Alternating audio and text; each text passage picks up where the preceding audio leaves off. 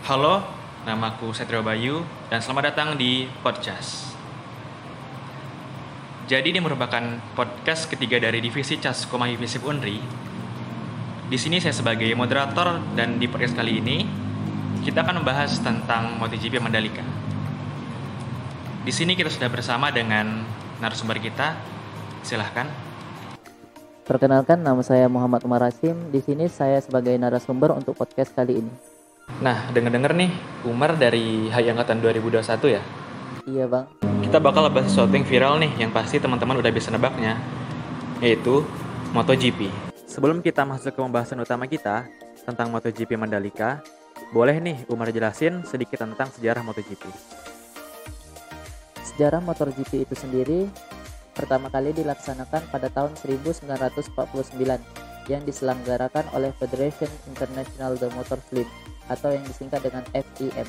Pada saat itu, MotoGP itu sendiri terbagi atas lima kelas yaitu kelas 50, 125, 250, 350 dan kelas 500 cc.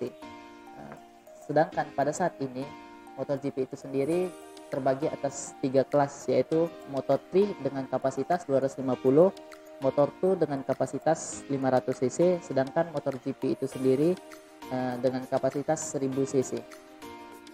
Jadi seperti itu sejarah singkat dari MotoGP di dunia. Aku juga penasaran terkait MotoGP ini, apakah ada sejarah MotoGP ini di Indonesia?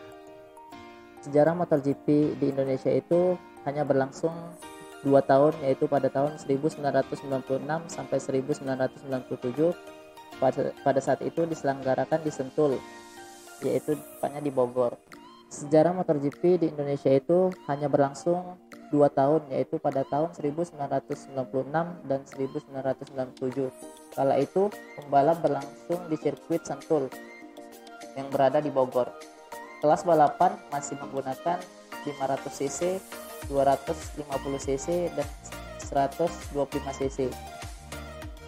Menarik juga ya ternyata sudah pernah ada MotoGP di Indonesia, tepatnya di Sentul sebelum diadakan yang kedua kalinya di Mandalika. Nah, untuk MotoGP di Mandalika ini sendiri gimana Mar? Apakah ada fakta yang menarik di MotoGP Mandalika ini? Banyak fakta-fakta menarik yang dapat kita lihat di sirkuit Mandalika tersebut yaitu berlokasi di salah satu destinasi super prioritas Indonesia. Tidak bisa diragukan lagi bahwa sebagai sebuah destinasi, Mandalika memiliki keindahan alam yang sangat menakjubkan, mulai dari pasir putih dan pemandangan yang begitu indah dengan pegunungan yang sangat menawan.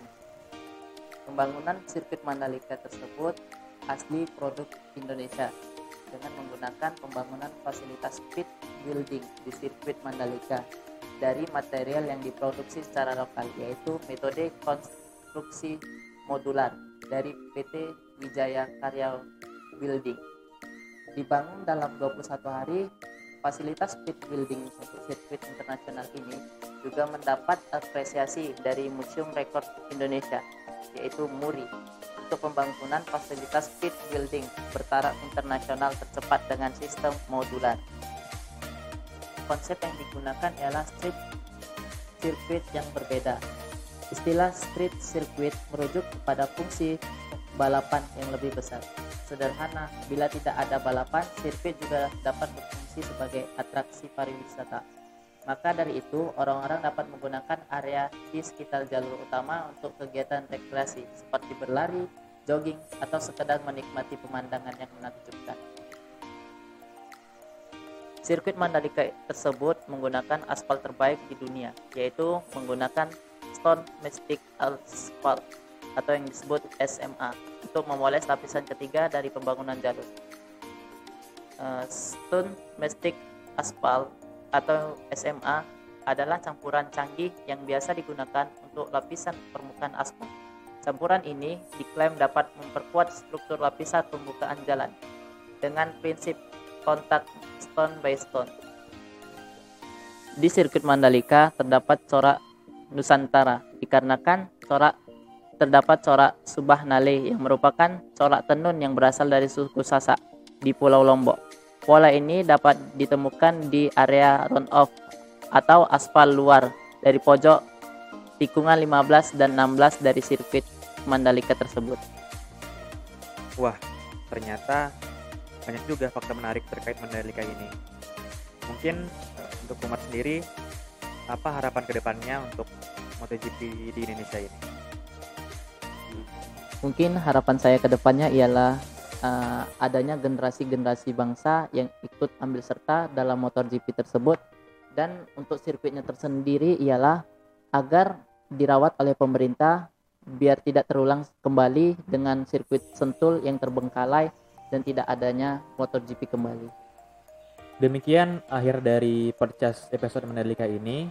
Terima kasih kepada Umar Hai21 yang telah bersedia menjadi narasumber kali ini. Sampai jumpa di next podcast Divisi Cas. Terima kasih.